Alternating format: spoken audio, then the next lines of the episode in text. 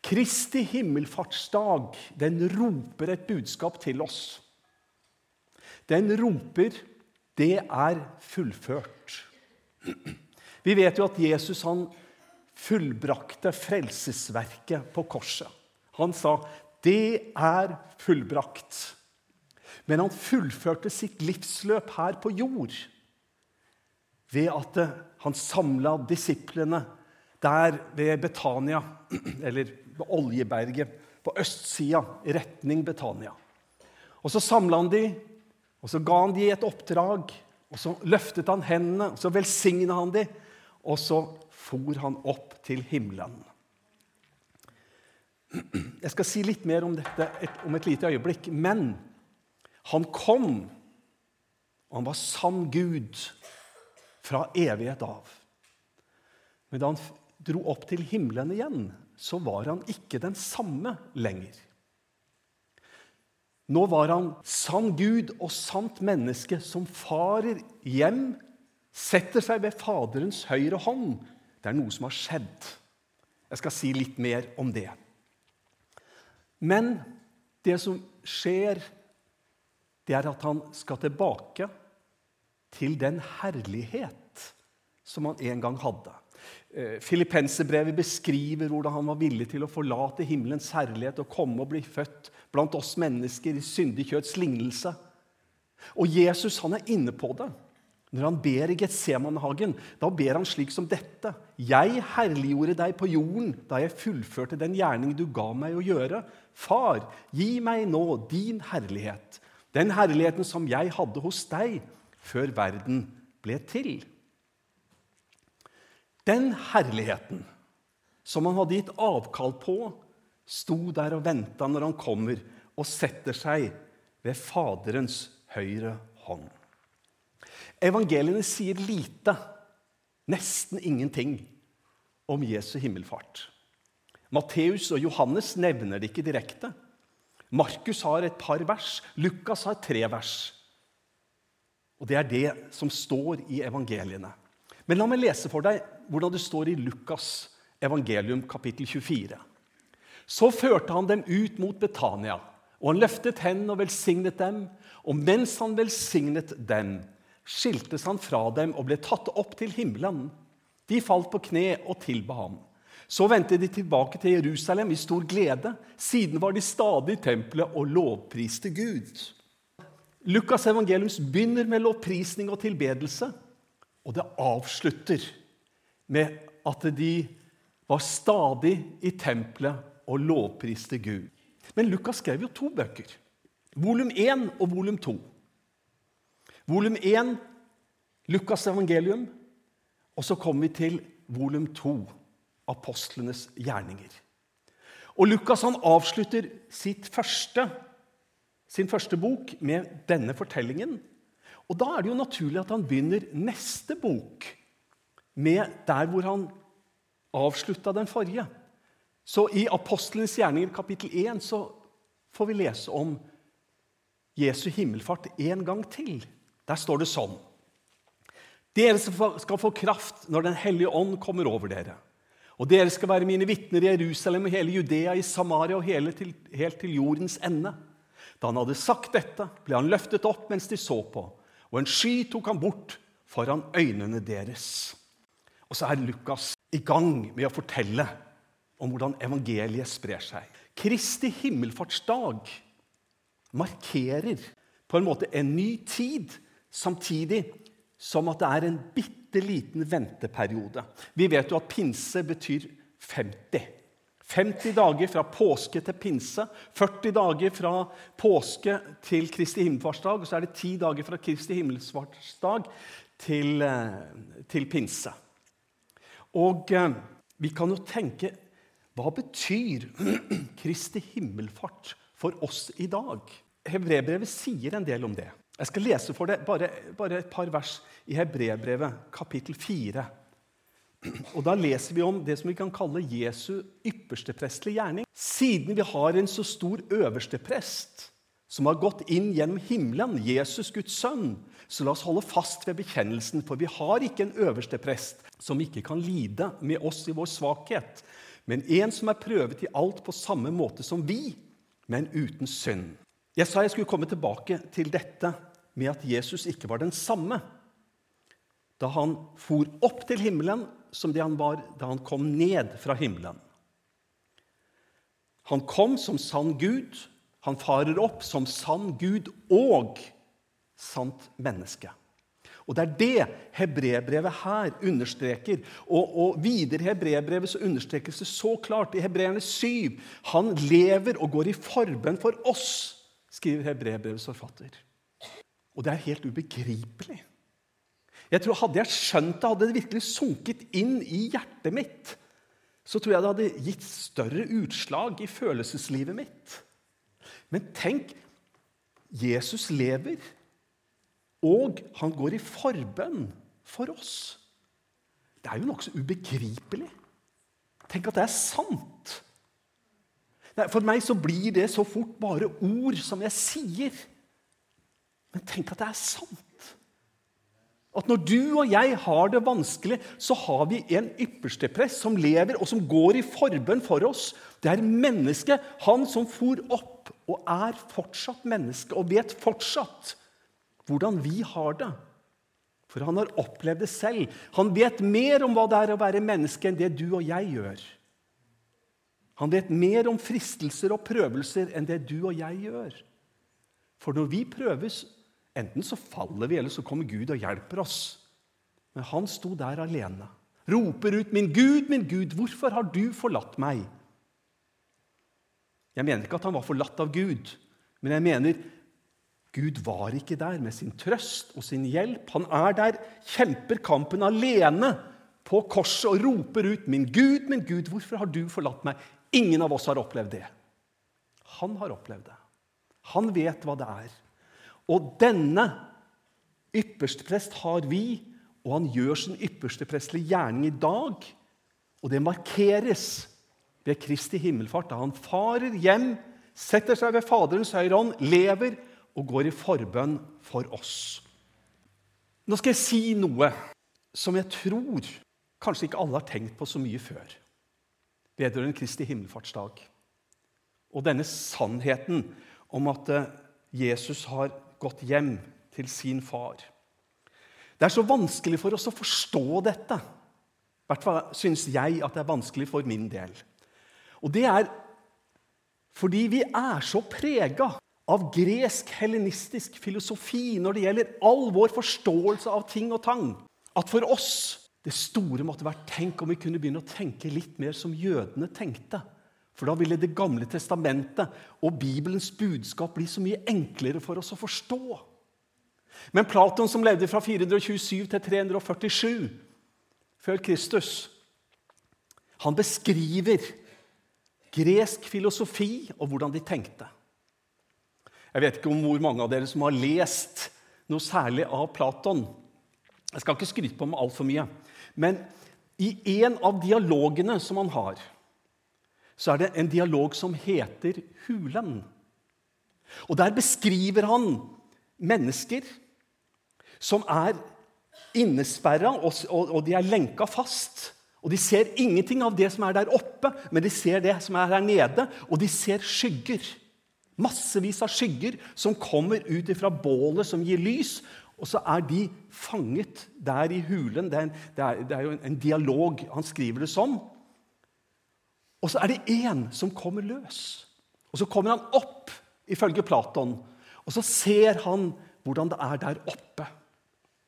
Og dette ligger i bånden for veldig mye av det helenistiske verdensbildet.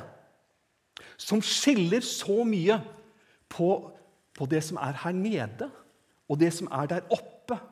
Det skiller så mye på, på, på, på, det jordiske og det himmelske.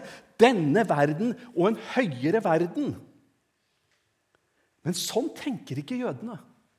Jødene tenker dette mye mer på en måte sammenvevd og sammensmelta. De har ikke disse enorme skillene på her nede og der oppe. I en annen dialog som Platon har skrevet, så beskriver han kroppen som et fengsel for sjelen. Sånn er det, ifølge Platon. Sjelen den lengter etter å komme seg fri. Og så hadde jo helenistisk tankegang noe av at filosofi det gir deg delvis frihet. Du får sett det i et større perspektiv. Men tenk å få lov til å dø.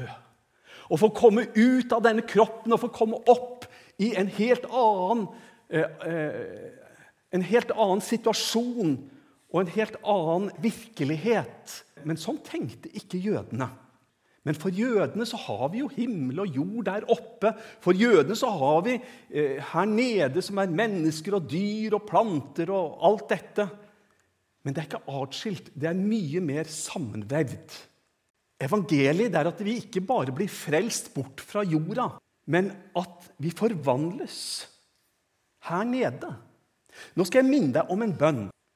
Denne bønnen lærte Jesus disiplene. Bare hør denne frasen. La ditt rike komme, la din vilje skje på jorden som i himmelen. Hva er det Jesus sier vi skal be om? Vi ser det jo her, men det er vanskelig at det går inn. Jesus sier dere skal be om at Guds rike skal komme. Og jeg vet ikke om vi klarer å begripe det, men Han sier at vi skal be om at Hans vilje skal skje på samme måte på jorden som den gjør i himmelen. Altså, Her ser vi ikke et sånt skille mellom Gud der oppe og vi mennesker her nede. Her møter vi i den bønn Jesus lærte disiplene å be om, at vi skulle be om at hans vilje skulle skje her. At Guds rike skulle komme her. Sånn lærte Jesus disiplene å be. Fullstendig, totalt annerledes enn helenistisk filosofiske tankebygninger. La meg sitere fra Det gamle testamentet, Jesajas kapittel 11. Der skriver profeten.: Ingen skal skade eller ødelegge noe på hele mitt hellige fjell. For landet er fylt av kjennskap til Herren, slik vannet dekker havbunnen. Du vet, Når vi leser sånn Vi er så prega av hedensk filosofi at jeg tror ikke at et sånt bibelvers går inn i hodet mitt, og i hvert fall ikke inn i hjertet. At, at landet skal, er fylt av kjennskap til Herren, slik vannet dekker havbunnen. Altså at Guds rike skal komme og prege denne, vår verden på denne måten. Det er for oss utopi. Kanskje fordi vi glemmer å regne med at Gud gjør under. Og at Gud har makt til å gjøre mer enn det vi har forstand til å en gang be Han om. Men dette ligger i bibelteksten, og det ligger der mye mer enn det jeg tror du og jeg på en måte klarer å, å se når vi leser. Du, vi må se budskapet om Kristi himmelfartsdag i en spesiell kontekst. Og, og, da tenker jeg på oppstandelsen. Og da tenker jeg på hva oppstandelsen ikke er for noe. Du, Oppstandelsen det er ikke at Jesus' sjel endelig ble satt fri fra legemet, og at han ble kvitt dette her legemet og kom ut i frihet, som Platon ville ha fått oss til å tro. Det er ikke evangeliet om oppstandelsen. Det er helt egentlig det motsatte. Tenk deg etter oppstandelsen. Thomas han eh, var jo ikke til stede når Jesus viste seg for de andre første dag, men så fikk han jo en annen anledning. Og Jesus sier til ham, 'Kom, da. Kom, kom kjenn på sårene.' Kunstneren her har jo laget en, en, et bilde av det, hvilket jeg ikke tror så mye på. Jeg tenker at Det var en tid for de store bekjennelsene når Thomas faller ned og sier 'min Herre og min Gud', da tror jeg ikke han hadde behov for å kjenne.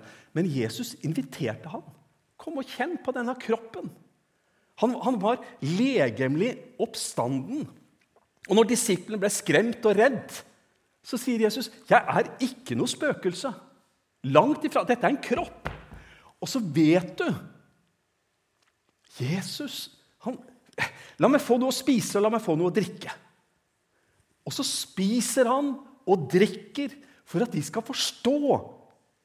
Det er ikke bare en åndelig greie. Han er oppstanden fysisk, legemlig oppstanden og det åndelige og det jordiske får lov til å møte hverandre. Det smelter sammen, mens vi tenker at det ikke lar seg forene. Men jødene tenkte ikke sånn. Evangeliet det er at Jesus sto fysisk opp. Han er riktignok et selvfølgelig herlighetslegeme. Det ufullkomne er bytta bort med fullkommenhet, og forgjengelighet er slutt. Det jordiske og det himmelske lar seg møte. Og Jeg tror vi må tenke på det når vi snakker om betydningen av Kristi himmelfartsdag. Det er ikke som, som en romrakett der man klarer å, å, å komme seg bort fra denne forferdelige verden. Det er ikke det som er poenget. Men det er en forkynnelse av en sammensmelting mellom himmel og jord. For han har kommet og blitt en av oss.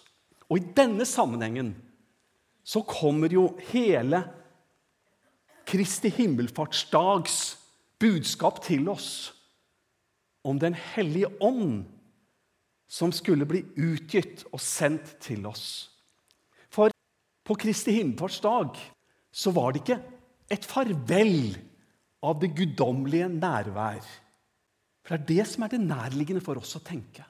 Nå farer Jesus opp til Gud. I himmelen der oppe er det guddommelige, det rene, det fine.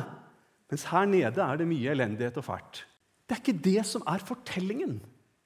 Fortellingen det er at Jesus går opp for å sende Den hellige ånd. Fordi Den hellige ånd skal være her på jord. Himmel og jord skal møtes. Jorden skal forandres.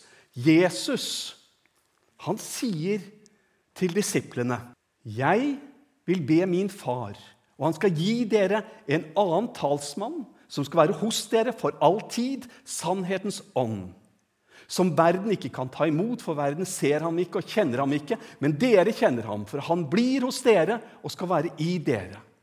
Kristi himmelfartsdag er ikke at Jesus nå blir tatt fra oss. Det er ikke en forminskning av hans nærvær her på jord. Men det er en kraftig forøkning. Det er akkurat det motsatte av en, en flukt bort. Han farer hjem, og han sier det er til gagn for dere, for jeg skal sende Den hellige ånd. Og du, jeg er ikke Kristi kropp, men vi er Kristi kropp. Du og jeg er Kristi legeme her på jord. Og Det er jo så store ord at man tør jo ikke si det, men Efeserne kapittel 1 og flere andre steder sier det. Sånn er det. Den hellige ånd er utgitt, Den hellige ånd bor i oss. Og vi er Kristi legeme på jord. Ja, Men Jesus er ikke her, kan vi si både ja og nei. Vi vet ja, det er sant, han er i himmelen, sitter ved Faderens høyre hånd. Men hans legeme er ikke lokalisert til én spesiell plass i Jerusalem eller Betania eller Galilea eller hvor det måtte være. Jesus er allsteds nærværende. Og tanken på Kristi himmelfart som at nå farer han opp der, er jo akkurat det motsatte av hva som er budskapet i Kristi himmelfartsdag. Det er at han er midt iblant oss alle sammen, mer til stede enn han noen gang på noen annen måte kunne være. Himmel og jord som på en måte møtes. Og så får vi oppdraget om å gå ut og gjøre alle folkeslag til hans disipler. Hva skjer når vi tar imot budskapet, lovpriser og tilber Gud? Da skjer denne sammensmeltningen. Jeg skal lese Salme 148. De første seks versene dreier seg om den himmelske lovprisningen. Og de åtte om det jordiske. Og skal vi bare tenke på hvordan dette på en måte smelter sammen. Vi begynner med halleluja. Lovsyng Herren fra himmelen. Lov ham i det høye. Altså, lovsyng Herren fra himmelen. La meg lese videre. Lov ham alle hans engler, lov ham hele hans hær, lov ham sol og måne, lov ham alle lysende stjerner, lov ham du høyeste himmel og vann over himmelen. De skal lovsynge Herrens navn, for han befalte. Og det ble skapt. Han ga dem sin plass for all tid, bestemte en ordning som ikke forgår. Her blir beskjeden tindrende klart gitt til himmelen og alt det skapte der oppe. Lov, pris Herren. Og så Til neste vers så begynner det med 'lovsyng Herren fra jorden'. Da er det jordens sin tur. Og så skrives det Store sjødyr og alle havdyp, ild og hagl, snø og skodde, stormvind, som setter hans ord i verk, fjell og alle hauger, frukttrær og alle sedrer, ville dyr og alt fe, krypdyr og fugler med vinger, konger på jorden og alle folk, stormenn og alle styresmenn på jord, unge menn og jenter, gamle folk og gutter, de skal love Herrens navn. Bare hans navn er opphøyd. Hans herlighet er over himmel og jord. Han har reist opp et horn av kraft for sitt folk, til ære for alle sine trofaste, for Israel, folket som er ham nær. Halleluja. Her ser vi oppfordringen der himmel og jord møtes i lovprisning. Dette er jo en søndag. Nå vet jo også jeg at det er litt sånn tidsforskjell rundt forbi på verden. Men hvis vi ser noe bort fra det, i dette øyeblikk over hele verden så samles millioner på millioner på millioner av mennesker som løfter sine hender til den allmektige Gud og tilber. Og så er det ikke bare her på jorden, men himmelen og alt det skapte. Det, det løfter seg selv i en lovprisning og tilbedelse. Skaperverket lover Gud. Etter himmelfarten de faller på kne, de som er der. De tilber. Men de ser også opp imot himmelen. Hvorfor står dere og ser oppover? kommer englene med spørsmålet. Galileere, hvorfor står dere og ser mot himmelen? Denne Jesus som ble tatt bort fra dere, opp til himmelen, han skal komme igjen. På samme måte som dere har sett ham fare opp til himmelen. Kom igjen på samme måte. Dette er så jødisk. Dette er så lite Platon og helenistisk filosofi. Naturligvis, det taler noe om den gjenkomst som ennå ikke har funnet sted. Det tror jeg er tydelig. Men det har en videre betydning enn som så. For bare ti dager senere så skulle Den hellige ånd utgytes vi er Kristi kropp, som jeg har sagt. Og han kommer og er iblant oss ved sin hellige ånd. Derfor så kunne Jesus si dette. Men jeg sier dere sannheten. Det er det beste for dere at jeg går bort. For dersom jeg ikke går bort, kommer ikke talsmannen til dere. Men går jeg bort, kan jeg sende ham til dere. Det er til gagn for dere at jeg går bort. For når han går bort, så blir ikke det en forsterkning av skillet mellom himmel og jord. Når han går bort, så skal han være enda mer til stede. Så når vi feirer Kristi himmelfartsdag, så feirer vi ikke at nå er Jesus der oppe, og at han kommer igjen snart, for vi gleder oss sånn til at han skal komme. Vi feirer Kristi himmelfartsdag fordi han er midt iblant oss i dag. Han er her. Vi er hans kropp. Den hellige ånd er utgitt. Selvfølgelig. Vi løfter blikket, og vi vet at han kommer, han som komme skal. Og den foten som sto der på Oljeberget og ble løfta opp, den foten kommer tilbake igjen og skal sette foten sin på Oljeberget. Men det er en annen del av dette. I dag det du og jeg skal minne hverandre om, det er det var til gagn for oss at Jesus for opp til himmelen. For nå har han gitt oss Den hellige ånd. Nå er vi hans legeme på jord. Han er midt iblant oss. Ja, han er mer iblant oss i dag enn det han noen gang tidligere har vært. Han er midt iblant oss. I Jesu navn. Amen.